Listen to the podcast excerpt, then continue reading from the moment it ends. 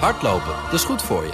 En Nationale Nederlanden helpt je daar graag bij. Bijvoorbeeld met onze digitale NN Running Coach... die antwoord geeft op al je hardloopvragen. Dus, kom ook in beweging. Onze support heb je. Kijk op nn.nl slash hardlopen.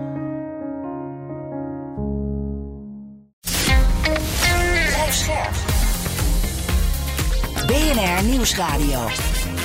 De AEX-factor. Jelle Maasbach. Ja, welkom bij de podcast voor de slimme belegger, de AX Factor. Elke week een nieuwe gast die je bijpraat over beurzen, beleggen en vermogen opbouwen. En deze keer in de studio Koen Bende van Mercurius Vermogensbeheer. Om het met deze hoogvlieger te hebben over... 3, 2, 1. Boosters in ignition. And liftoff of Artemis 1. We rise together back to the moon and beyond. Jawel, de ruimte, ruimtevaartaandelen om precies te zijn. Je hoorde het net al in het fragment. Amerikanen die hebben de Orion succesvol in een baan om de maan gebracht. Die missie is nu nog onbemand. Maar in 2024 moeten er bemande ruimtereizen gaan plaatsvinden. En het plan voor het jaar daarna, mensen die voet op de maan zetten. Voor het eerst sinds 1972. Ja, Koen, ik zat uh, als een kind naar de lancering te kijken. Even dat YouTube-filmpje erbij gepakt. Maar hoe heb jij uh, hiernaar zitten kijken? Hoe kijk jij naar dit soort, soort dingen? Want ik zie je ogen fonkelen. De ontwikkeling die daar plaatsvindt, is voor ons allemaal super, super, super belangrijk. Uh, bedenk wat we allemaal aan satellieten te danken hebben. Uh, en en uh, alles wat daarmee samenhangt. Dus het staat ook symbool voor nou, gigantische vooruitgang. Hè? Het is niet voor niets a giant step for mankind. Dat is het uiteindelijk wel. Ja, het is niet alleen leuk voor ons om naar te kijken als een stel kleine jongens nog. Mm. Ik wilde vroeger ook altijd Bas Lightyear zijn van Toy Story. Je weet wel, die, die, die astronaut. Maar je zegt het, zo ook, het is ook echt belangrijk dat we dit soort missies dus, uh, dus doen. Ja, dat denk ik wel. Ik bedoel, we kunnen veel meer dingen uh, uh, ontdekken, te weten komen, ontwikkelen. Met dank aan al deze vooruitgang. En ehm, het, het staat ook wel een heel mooi symbool voor hoe dingen in een rap tempo beter en efficiënter worden. Rolls-Royce is samen met EasyJet aan het testen om vliegtuigmotoren uh, op waterstof te laten draaien, opgewekt door uh, zonne- en uh, marine-energie. Dus energie uit water. En als, als dat dadelijk gaat lukken, dan heb je ook het, het voornaamste argument van het is heel vervuilend, want je, je verbrandt heel veel brandstof. Dat ben je dan ook kwijt. Ja. en dan wordt het misschien wel dat uh, over, over 50 jaar mensen niet meer een, een weekendje naar Rome gaan, maar uh, dat ze een trip nemen in een baan om de aarde. En straks meer, dan hoor je of je ruimtevaartaandelen moet hebben en welke dan, nu of in de toekomst. Maar eerst een overzicht van het opvallendste nieuws van de afgelopen week. Twitter heeft er vorige week 2 miljoen nieuwe gebruikers bijgekregen. Een stijging van 66% in een jaar tijd, al dus een trotse Elon Musk. Maar zoals gebruikelijk sinds de overname is er ook slecht nieuws voor het bedrijf. Advertising is the lifeblood of this company, but major advertisers have been hitting pause on Twitter ads. Some reports say that Twitter may have lost up to half of its big advertisers just since Musk took over. In China neemt de sociale onrust toe als gevolg van de strenge coronamaatregelen. In enkele grote steden wordt er gedemonstreerd tegen de overheid. En dat is bijzonder voor dat land. Dat is toch wel um, nieuw en, uh, en, uniek zou ik zeggen. Dus uh, ik denk dat um, dit heel duidelijk geeft dat um, de overheid hier nu in het, uh, in het nauw zit. Dat het zelf ook niet goed weet hoe het, hoe het met die crisis, met die malaise om moet. En dat heeft gevolgen voor grote Amerikaanse bedrijven die afhankelijk zijn van China, zoals Apple. Door de onrust bij een grote iPhone-productielocatie worden er mogelijk miljoenen telefoons niet gemaakt. The facility in question in Zhengzhou accounts for four out of every five of the high-end iPhone 14s that Apple manufactures. Right, it's a facility operated by Foxconn. En voor wie denkt dat de inflatie niet hoger kan, helaas. Christine Lagarde, president van de ECB, denkt niet dat de inflatie in de eurozone over haar piek is. I would like to see inflation having peaked in October. But I'm afraid that I would not go as far as that. I think that there is too much uncertainty, particularly in one component, which is the pass through of high energy cost at wholesale level into retail. Haar Amerikaanse collega Jerome Powell liet zich uit over het rentebeleid. Kleinere renteverhogingen zijn vanaf deze maand mogelijk, zei hij. It is likely that restoring price stability will require holding policy at a restrictive level for some time.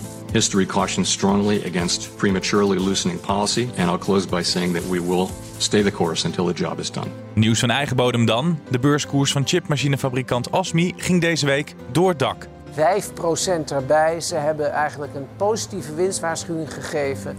De gevolgen door de boycott van China met chips vallen mee. Die schat ze nu lager in dan ze eerst hebben gedaan. En Jack Ma, de oprichter van Alibaba, is terecht. De ondernemer die kreeg het aan de stok met de Chinese regering. Hij verdween een tijdje van de radar. Maar hij is gevonden dus. Hij blijkt al een half jaar in Japan te leven. Meer mensen krijgen het in China aan de stok met de regering. De zero-covid-tactiek wordt door meer en meer openlijk bekritiseerd. Protesten, waaronder dus ook uh, de werknemers van grote fabrieken, zoals bij die iPhone-fabriek. Maar volgens sommigen blijft het daar mogelijk niet bij. This is at least one we know about. Which are the ones we don't know about? So as we look ahead to how we roll out at the end of this year, which has been a very tentative one coming into the holiday season, if more of this is happening across China that we're not aware of, it means we are going to get some more bad news on supply chains as we head into the beginning of the next one. That's what I'm looking out for, certainly in the public markets. Ik wil heel graag beginnen bij de, de koers van Apple. Die koers houdt redelijk stand en ik las wat commentaren van analisten voorbij komen. Die zeiden toch opvallend dat die koers redelijk rustig blijft, ondanks alles. Hoe, kijk jij daarna? Dit is een heel specifiek probleem wat hem in de supply chain zit. Niet in het wegvallen van vraag, niet het lange termijn. Wat Apple heeft laten zien is dat ze cliënten hebben die bereid zijn om te wachten op een nieuw apparaat. En, en uh, dit is hooguit een uitgestelde aankoop en niet een afgestelde aankoop. Ja, precies. Dat is wel interessant. Dus er gebeurt wat bij die fabriek. De, de productie ligt even stil. Maar dan zeg je, dan komen die klanten uiteindelijk toch wel weer terug. Omdat ze zo graag die producten willen hebben. Apple is er gewoon heel goed in geslaagd om een, om een gated community op te zetten. En, en als je er eenmaal in zit, is het heel lastig om eruit te komen. En, een soort van verslaving, ja. Ja, een soort, een soort secte, commune van, uh, van Apple-users. Uh, ik denk dat dat een belangrijk deel van de verklaring is. Ook wel dat je, dat je ziet dat die Foxconn-fabriek uh, ja, nu er alles aan doet om ook weer mensen terug te krijgen, ja. bonus uitdeelt. Maar tegelijkertijd vraag je je wel af van goh, de afhankelijkheid die uh, een producent als Apple heeft bij deze fabriek. Ja, dat, dat, daar moeten ze iets aan gaan doen. En het is ook niet voor het eerst. Hè. Hoe lang is Foxconn? Ik denk dat dat de, de, de meest besproken leverancier, uh, uh, producent ja relatie is ter wereld tussen Apple en Foxconn. Ja. We, hebben, we, hebben, we hebben zelfmoorden gehad van mensen die over de werkomstandigheden. Het is altijd wel iets wat dan weer terugkomt bij Foxconn. En, en hier moet Apple iets aan gaan doen. Want ze zijn hier gewoon te afhankelijk. En zoals we eerder deze week het nieuws hadden van Ahold Delhaize... die verplicht zijn leveranciers aan tafel gaat zetten... om hun uitstoot, CO2-uitstoot, te verlagen. Uh, zo moet denk ik uh, Apple ook met zijn leveranciers om tafel. Want als zij een heel goed uh, uh, werkgeversbedrijf zijn zelf, ja. moeten ze er ook voor zorgen dat het bij hun leveranciers goed geregeld Precies. is. En, en dit is klaarblijkelijk niet goed geregeld. Dat risico moet je afbouwen. En, en dat betekent ook dat je dus voor een deel ergens anders zal moeten gaan produceren. Dat je dus China moet verlaten voor een deel. Is dat mogelijk voor Apple? Want we hadden het net over die verslaving. Nou, wij hebben hier ook allebei een iPhone uh, op tafel hebben. Zo eerlijk moeten we zijn. Maar op haar beurt is Apple ook alweer heel erg weer uh, afhankelijk van China. Verslaafd aan dat land. Ja, uh, op, twee, op twee manieren. Maar de producentenkant, ja, daar moeten ze over nadenken of ze dat ergens... Natuurlijk kunnen ze dat ergens anders neerzetten. Het kost alleen tijd. Je doet het niet morgen. Uh, dat, dat is een kwestie van misschien wel twee jaar voordat je het ergens anders neer hebt gezet. Maar dat je, dat je over de hele wereld nu uh, productiefaciliteiten moet hebben, dat lijkt me, niet, uh, uh, lijkt me niet een verrassing. Want door corona zijn we erachter gekomen dat die supply chain echt flinke knauwen kan krijgen. Dat is één ding. Maar hier zijn we er natuurlijk achter gekomen dat ook de bevolking waar we dat we niet voor mogelijk hielden, ook in één keer in opstand kunnen komen. ja. En dan krijg je ook uh, daar dus uh, gedonder. Maak je je zorgen om, om China wat dat betreft, voor die, voor die grote bedrijven? Ja, ik, ik denk dat dit wel een ding is. Wat er nu gebeurt. Hè. Het COVID-beleid van, van China is heel duidelijk aan het falen. En de, de Wo- Wereldgezondheidsorganisatie heeft ook gezegd: van, Goh, jongens, eh, jullie gaan het niet redden met de Chinese vaccins. Wil je het goed doen, dan zul je westerse vaccins moeten gaan gebruiken. Dat is natuurlijk een hele mooie opsteker voor beleggers in Pfizer, Moderna eh, Ja. en, Johnson Johnson. Ehm, maar ik denk dat er ook een hele belangrijke kern van waarheid in zit. Het kan niet zo zijn dat je het, eh, het WK voetbal vertraagd uitzendt en, en, en moet blurren. eh, omdat je dan ziet dat de rest van de wereld al uit COVID is en er normaal mee kan, eh, enigszins normaal weer functioneert. Ja. Terwijl in China al die restricties nog zijn en van een niveau die, die niet leefbaar zijn. Hè, Dat, is, dat is wat er nu gebeurt. Daarom komt die bevolking in opstand. En we zien inderdaad Foxconn, we zien de rest niet. Dit is een heel groot probleem voor Xi Jinping. Dat er eh, nu gedemonstreerd wordt om zijn aftreden zo vlak na het congres.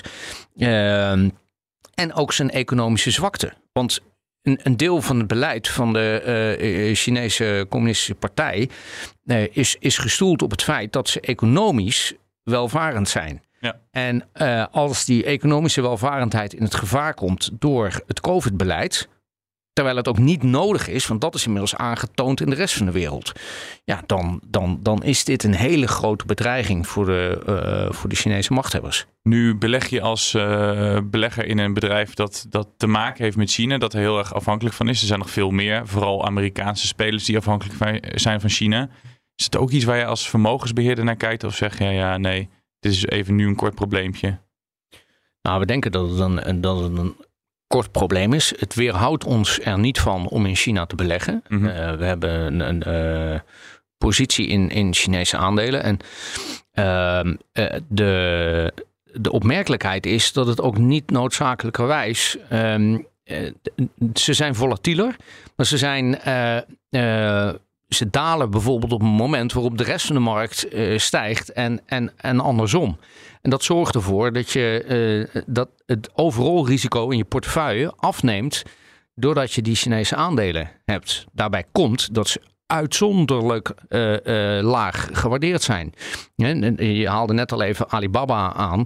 Nou, dat aandeel is sinds het, eh, het- verdwijnen van, van Ma. blij overigens dat hij niet bij zijn moeder is gaan wonen, maar in Tokio zit. Ehm, dat die. ehm, ehm, eh, dat aandeel is sindsdien alleen maar gedaald. Maar al die aandelen super laag gewaardeerd. Waarom? Ook vanwege het politieke risico dat er in China is. Dus als dat verdisconteerd is, ja, dan, dan heb je dus op lange termijn de mogelijkheid dat dat politieke risico afneemt. Dat zou ook kunnen gebeuren door datgene wat er nu met COVID eh, aan de hand is. En, en dat de bevolking uiteindelijk de Chinese Communistische Partij dwingt om op bepaalde manier- manieren te gaan hervormen. Ehm, ja, dan, dan kan je daarvan profiteren. Ik denk dat je de tweede economie ter wereld niet kan negeren in je portefeuille. Je hebt er altijd een bepaalde exposure naar. Dan kan je maar beter ook direct hebben. Ja, dan eh, naar Twitter. Grote adverteerders trekken zich achter de schermen terug. En voor de schermen klaagt Musk over ze. Over Apple, om precies te zijn. Daar is het bedrijf weer. Ze zouden bijna niet meer adverteren. En Apple zou dreigen de Twitter-app uit de App Store te halen. Een nieuwe week, een nieuwe Elon Musk-soap zou je kunnen zeggen, Ja. Koen. Om met die adverteerders te beginnen, hoe gevaarlijk is het? Want hij doet net alsof hij ze niet per se heel erg nodig heeft. Maar als die adverteerders weglopen bij Twitter, is het toch gewoon einde oefening. Ja, uiteindelijk wel, ja. En, en, en dat, is, eh, ja, dat is natuurlijk een heel groot, eh, groot probleem. Anders dan bij de andere bedrijven van eh, Musk is die hier ontzettend gevoelig voor eh, de, de, de, de, de media. Eh, en eh, hij kan dus niet zomaar alles doen, want dat raakt hem in zijn inkomsten. Ja. Hij heeft wel 43 eh, miljard betaald, eh, grotendeels beleend met het aandeel Tesla. Dus de, de grappige situatie doet zich nu voor dat het nieuws dat de koers van Tesla niet alleen door eh, het produceren van auto's, tekort eh, al dan niet van batterijen, eh et cetera, eh, eh, te maken heeft, maar vooral ook met wat Musk bij Twitter aan het doen is. Want doordat hij die aandelen in onderpand heeft gegeven bij, bij grote eh, Amerikaanse banken, als die zullen zien dat, dat Twitter eh, misschien wel belly-up gaat, ja, dan eh, komen die aandelen Tesla op de markt, want die 43 miljard moeten ze terughalen. En die willen ze dan, of in ieder geval een belangrijk deel daarvan wat ze beleend hebben, ja, dan worden die aandelen gewoon op de markt gebracht en geveild. En, en, en dat, ehm, die pluk hangt dus nu boven de markt. En hoe, hoe idioter het gaat bij, bij Twitter en hoe groter dus het gevaar dat het mis, of, eh, hoe groter het risico wordt dat het mislukt, ehm, ja, hoe meer dat zijn effect zal hebben op het aandeel Tesla. Ja, dus als eh, Tesla-belegger eh, kan je van de koude kermis eh, thuiskomen. Ehm, Ja, je kan in ieder geval wel nog eh, Cybertruck, eh, want die eh, in de Goed Nieuws Show van Elon is dat deze week wel gebeurd. Dat die, in 2017 werd die aangekondigd en nu, vijf jaar later, zijn de eerste exemplaren ook daadwerkelijk van de band gerold. Zou je er een willen hebben? Nou ja, als, als, als petrolhead, het is een hele bijzondere auto. Ik, ja, anders dan eh, eh, anderen. Ik, ik, ik ben eh, wel een fan van, van elektrisch rijden. Ook als petrolhead. Eh, ik denk dat dat goed samengaat. Eh, ja, hebben, dat impliceert krijgen. Ja, dat sla ik niet af. Nee. Hey, Lijkt ook me wel bijzonder, ik- Dat ook. Ehm, het lijkt me ook wel fijn voor de aandeelhouders van Twitter dat ze hem hebben verkocht. Hè? Dat ze in ieder geval nog geld hebben gekregen. Ja, ik denk dat hij eh, voor, voor heel wat eh, beleggers in tech eh, toch het jaar enigszins goed heeft gemaakt met deze deal rondom, rondom Twitter. Ja. Terug naar de ruimtevaartaandelen. Virgin Galactic van Richard Branson is beursgenoteerd. Je hebt SpaceX van Elon Musk nog niet beursgenoteerd. Blue Origin van Jeff Bezos ook nog niet aan de Amerikaanse beurs genoteerd. Maar ik wil met jou Virgin Galactic er eerst uitpikken. Doet dit nog niet denderend als aandeel als je dat bedrijf zou mogen omschrijven? Nee, en Wat ja, is het voor bedrijf? En over, nou, het is een bedrijf dat eigenlijk een rentestand van nul nodig heeft. Want eh, ze kunnen het zich niet veroorloven. Er zit een cash drain in. Eh, volgens mij maken ze meer verlies dan omzet. Eh, dus dit, dit is typisch die pioniersfase. En het risico dat het het niet gaat redden is, is, is vrij groot. Maar het is wel een bedrijf dat, dat grote stappen zet in technologische ontwikkelingen. eh, waar we allemaal van gaan profiteren. Dus eh, daarin heel nuttig. Maar ehm, Het is geen onzinnig bedrijfje wat we wel eens voorbij horen komen. Hè? Met een lage rentestand dan worden de meest gekke ideeën verzonnen. Hier zit nog wel wat in als ik jou Nou hoor. ja, kijk, eh, Virgin Galactic weet ik niet, want die zijn natuurlijk vooral op toerisme. hè, van leuk, we gaan even een fotootje maken vanuit de ruimte.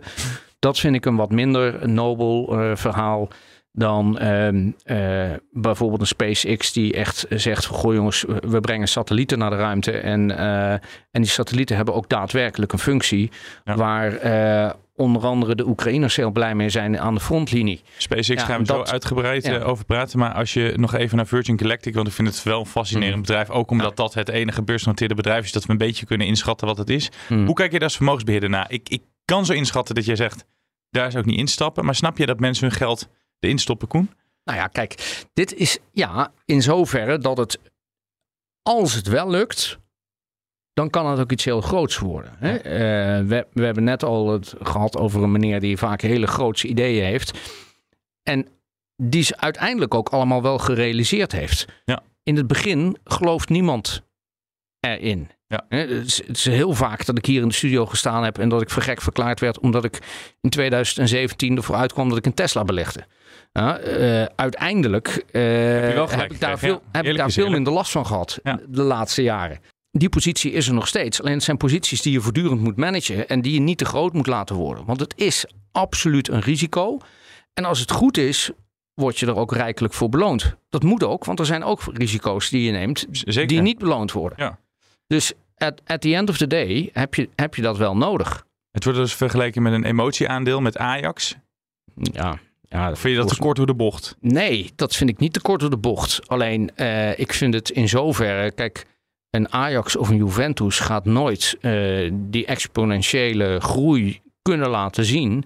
die eh, Tesla vanaf het begin tot nu wel heeft laten zien. Of Apple, of Microsoft, of Amazon, of eh, al die bedrijven die ooit op een, eh, ja, in een garage, op een zolderkamer, eh, studentenkamer begonnen zijn en daarna heel erg groot geworden zijn. In het begin gelooft niemand erin. Zeggen ze allemaal, ach jongen, ach meisje, ga toch een fatsoenlijke baan zoeken voor een werkgever. In plaats van zelf lopen e- experimenteren en ja, ja uh, auto's op elektriciteit bouwen of een betaalsysteem uh, waar geen pasjes voor nodig zijn. Hou eens op, ga eens gewoon netjes bij ehm, bij weet ik veel, bij, bij de ING of bij de postbank werken. Ja, dan, en krijgen we nooit dit soort mooie uitvindingen. Nee, ja, het moet ook gek zijn om dit soort dingen te doen. Maar dat is de enige manier waarop je briljant wordt. Je had het net over risico's. Vereniging van Effectenbezitters die adviseert om geen aandelen van deze bedrijven te kopen. Errol Keiner die zei eerder hier dat het te speculatief is. Hij zei ja, er zullen mensen zijn die ook kansen zien. Die kan ik teleurstellen. Deze ondernemingen zullen gewoon niet winstgevend zijn. Kan je daarin vinden? Want uiteindelijk kan het toch wel gewoon zo zijn dat ze winstgevend worden? Sterker nog, uh, ik weet niet of het heel specifiek deze bedrijven zijn die nu beursgenoteerd zijn, of die uiteindelijk dat gaan uh, uh, worden. Maar er gaat zeker een ruimtevaartbedrijf zijn dat, dat heel succesvol wordt en dat ook winstgevend wordt. 100 jaar geleden belegde iedereen in spoorweg aandelen en de meeste zijn, uh, van die aandelen zijn geëindigd als behang als ze een goede, uh, goed, goed einde hebben gehad. Want ze zijn waardeloos geworden. Maar er zijn nog een paar spoorwegbedrijven, zo heb ik me ooit laten vertellen door Warren Buffett, die wel zeker de moeite waard zijn om in te beleggen. Sterker nog, de Senaat heeft deze week een staking voorkomen omdat het een cruciaal belang is voor de Amerikaanse economie dat de spoorwegen blijven rijden. Dus die vergelijking zou je kunnen maken. Dus ik vind het, ik vind het heel kort door de bocht om het maar zacht uit te drukken, dat iemand gaat zeggen dat het nooit wat gaat worden. Ja. Ik hoop dat het wel wat gaat worden, want het gaat ons fantastische stappen vooruit brengen. Uh, uh, voor gezondheid, voor uh, de, de, manier waarop we de planeet kunnen managen. allerlei andere dingen eromheen. Uh, het is niet voor niets dat er allerlei proeven gedaan worden in orbit.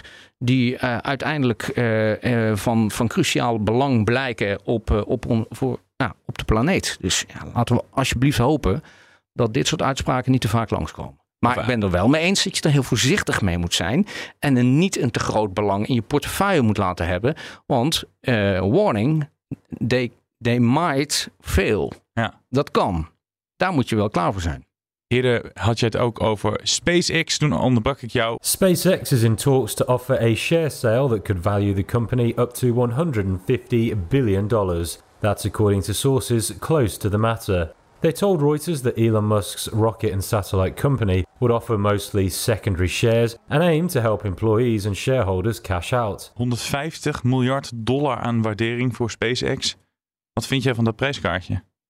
Ja, dat kan ik niet zo goed inschatten of dat de moeite waard is. Maar het is, het is, het is een astronomisch belag, bedrag. Ja, zo klinkt het wel. Hè? Uh, ja, van de bedrijven heeft denk ik Musk wel uh, uh, de meeste ervaring, de meeste...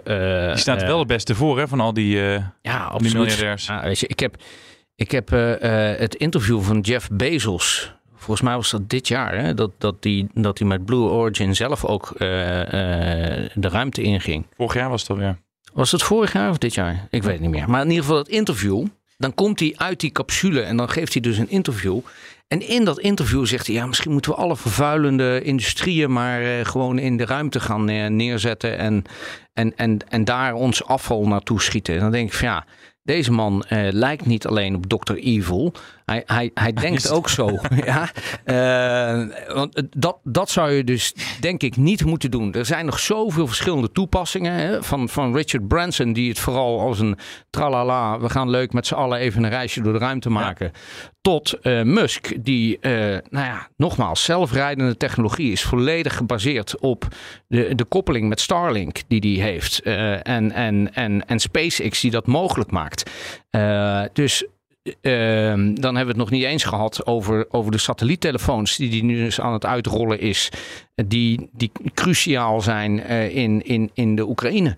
Uh, allerlei andere toepassingen die er zeker zijn en gewoon van cruciaal belang gaan zijn. Maar of dat nu in deze fase 150 miljard waard is, dat weet ik niet. Maar het zou best kunnen zijn dat we over vijf jaar eh, tegen elkaar hier in de studio zeggen hey, uh, Koen, ja Jelle, weet je nog dat we het vijf jaar geleden hadden over die beursgang en dat we toen 150 miljard heel veel geld waard, heel veel geld vonden. Moet je kijken wat nu de beurswaarde is van SpaceX. Ja, en, en, misschien is het dan wel 500 miljard waard. Ja. I don't know. Ja. je moet het de ruimte geven. Kijk, dit soort dingen in je portefeuille. Wil je een portefeuille op lange termijn laten groeien, dan moet je openstaan voor ontwikkelingen die uiteindelijk de economie voorwaarts kunnen gaan brengen. En die een hele grote stap neer kunnen gaan zetten. Ook al lijkt dat nu onmogelijk. En daar heb je dus af en toe mensen voor nodig die dingen durven te doen die anderen niet durven. Ja? Die inderdaad tegen hun ouders zeggen: Ik ga niet voor de postbank werken. Ik ga zelf een bedrijf starten en verzinnen. En die dan van iedereen te horen krijgen dat ze gek zijn. En 25 keer met de pet rond moeten om geld op te halen. Omdat ze in het begin alleen maar cashburners zijn. Maar ze geloven erin en ze zetten die stap. En dat soort bedrijven worden op enig moment de grootste bedrijven ter wereld. Ja, als je het aandurft om daar een klein deel van in je portefeuille te allokeren. En dat goed managt, dus het niet te groot laat worden. Mhm. Ja, dan, dan, uh, dan denk ik dat je op termijn uh, uh, aan, ja, dus die portefeuilles voor je uh, kan laten werken en je vermogen kan laten groeien. Maar je moet ook bereid zijn, net zoals dit jaar. We hebben dit jaar een lastig jaar met die technologieaandelen. Ja. Maar uiteindelijk gaat dat de grote stap voorwaarts zijn. Altijd in een crisis, in een recessie, in een oorlog zijn dit soort bedrijven de bedrijven die met de grootste innovaties komen en die ons naar voren gaan helpen. Maar als ik jou zo hoor van die drie, want uh, het zijn allerlei Hmm. verschillende soorten initiatieven en, en type miljardairs, dan is zo'n SpaceX Ja. zou dan een toevoeging kunnen zijn aan je portefeuille. Als ik Ja, ja, redenatie ja, zo, zo hoor. Ja, dat denk ik wel. Waar ja. moet je als belegger op letten? Eh, Je zei al eerder in deze uitzending, ja, je, je moet ook niet te veel in één keer erin in gaan stoppen. Nee, nee, nee. Ja. Kijk, sowieso een, een, een goede portefeuille moet ontzettend veel spreiding hebben. En dit is niet een aandeel dat je, eh, waar je eh, bij wijze van spreken 5% van in, je- in portefeuille. Kijk, als het, als het uitkomt en het, en het bedrijf gaat veel harder groeien omdat ze gigantische eh, on- goede ontwikkelingen en het voor commercialiseren en alles valt uiteindelijk op zijn plek Mhm. dan, wordt het van, dan stijgt het vanzelf dusdanig dat het een grotere positie in je portefeuille wordt. Want de rest stijgt minder hard. Dus dan kan het van een half procent groeien naar anderhalf procent, bij wijze van spreken. Alleen ja, hi- hier zul je. Er zijn, zijn ook nog heel veel andere categorieën. We hebben het nu over ruimtevaart. Maar datzelfde is met, met eh, ja, eh, eh, medicijnen. Hè. Neem, neem Moderna. Dat, dat, wat het bedrijf heeft doorgemaakt. En in 2019 was het nog helemaal, helemaal niks. Was het een heel klein bedrijf. Maar ja, toen hadden we het ook via via al in de portefeuille.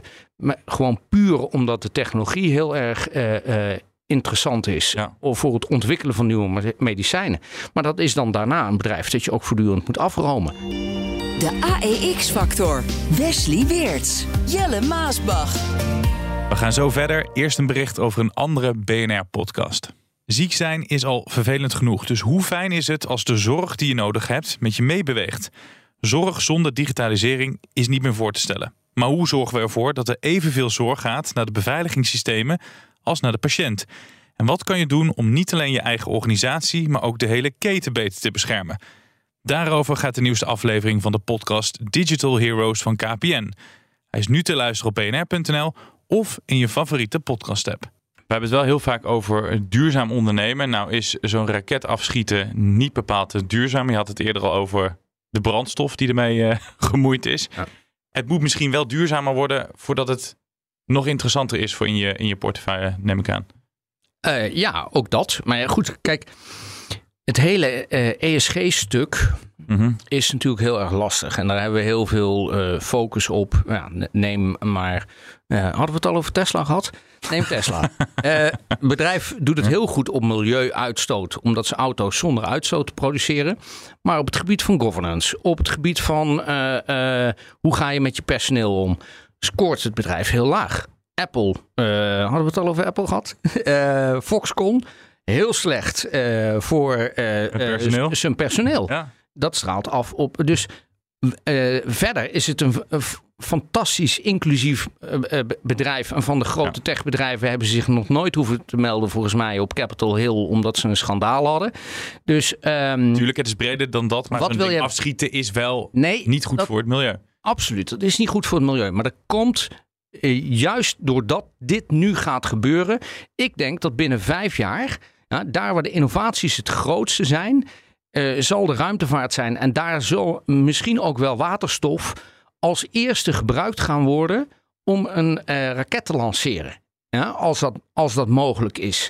Uh, en als het niet mogelijk is, dan zullen de ingenieurs het, het snelste eraan werken om het daar mogelijk te maken. En als we daarmee het veel breder voor de totale luchtvaart uh, motoren gaan hebben die op waterstof draaien, ja, dan hebben we een gigantische besparing uh, van, van die uitstoot. Uh, natuurlijk kun je zeggen, het is niet duurzaam, dus we beleggen er niet in. Dat vind ik ook het moeilijke in die hele duurzaamheids... Ik vind het veel belangrijker dat je investeert in een bedrijf dat in de transitie bezig is van vervuilend naar schoon. We hebben het gehad over direct investeren in die ruimtevaartaandelen Virgin Galactic. Je kan natuurlijk ook indirect beleggen. Bijvoorbeeld een Alphabet, dat heeft een tak die zich bezighoudt met van die Willy Wortel uitvindingen. Ziet er altijd heel leuk uit. Maar goed, de rente gaat omhoog en dan worden dit soort investeringen altijd wat duurder. Maar is het indirect beleggen in deze sector, zou dat ook een slimme zijn? Dus als je het bijvoorbeeld niet aandurft in zo'n SpaceX of in zo'n ja, Virgin Galactic? Ja, natuurlijk. Want je hebt er, je hebt er een veel groter eh, businessmodel omheen. Hè? En eh, bij wijze van spreken, als je nu zou willen beleggen in Twitter, ja, moet je dus het aandeel Tesla kopen. Ja. Uh, en, en, en zo kan je dat ook met allerlei andere ontwikkelingen. Uh, en, en indirect, als je wil beleggen in Coolblue of in BNR, omdat je het zo'n geweldige zender vindt, ja, dan kun je, kun je het aandeel Hal, Hal Investments kopen. Dan koop je een heel klein deeltje van, uh, van, van BNR. Ja, krijg, je een beetje, krijg je een beetje Koembende erbij. Hoe leuk is dat? Ja, nou ja. Uh, dan, en als je dat dan ook nog in je pensioenpotje kan stoppen, .nl, dan gaat het helemaal goed. Tot slot, er is dus heel veel mogelijk. De conclusie is, ja, ruimtevaartaandelen die kunnen een toevoeging zijn voor je beleggingsportefeuille. Ja, absoluut. En, en, en, maar zorg dat, je, dat, dat dat niet een te groot deel van je portefeuille gaat zijn. net zoals dat misschien mensen 25 jaar geleden gezegd hebben: van nou, we moeten nooit technologie aandelen hebben. Dan moet je kijken wat voor rit die gemist hebben. dus uh, stel je open voor de toekomst, want beleggen doe je ook voor de toekomst. Dankjewel. Koen Bende van Mercurius Vermogensbeheer. Je ging als een raket, om even in de terminologie uh, te blijven. Ja, wil je moon and back. wil je meer van Koen horen? Check dan vooral onze eerdere afleveringen. Daar zit hij vaak in. En vergeet vooral niet te liken en te abonneren. Tot volgende week. Hardlopen, dat is goed voor je. En Nationale Nederlanden helpt je daar graag bij. Bijvoorbeeld met onze digitale NN Running Coach... die antwoord geeft op al je hardloopvragen. Dus, kom ook in beweging. Onze support heb je. Kijk op nn.nl slash hardlopen.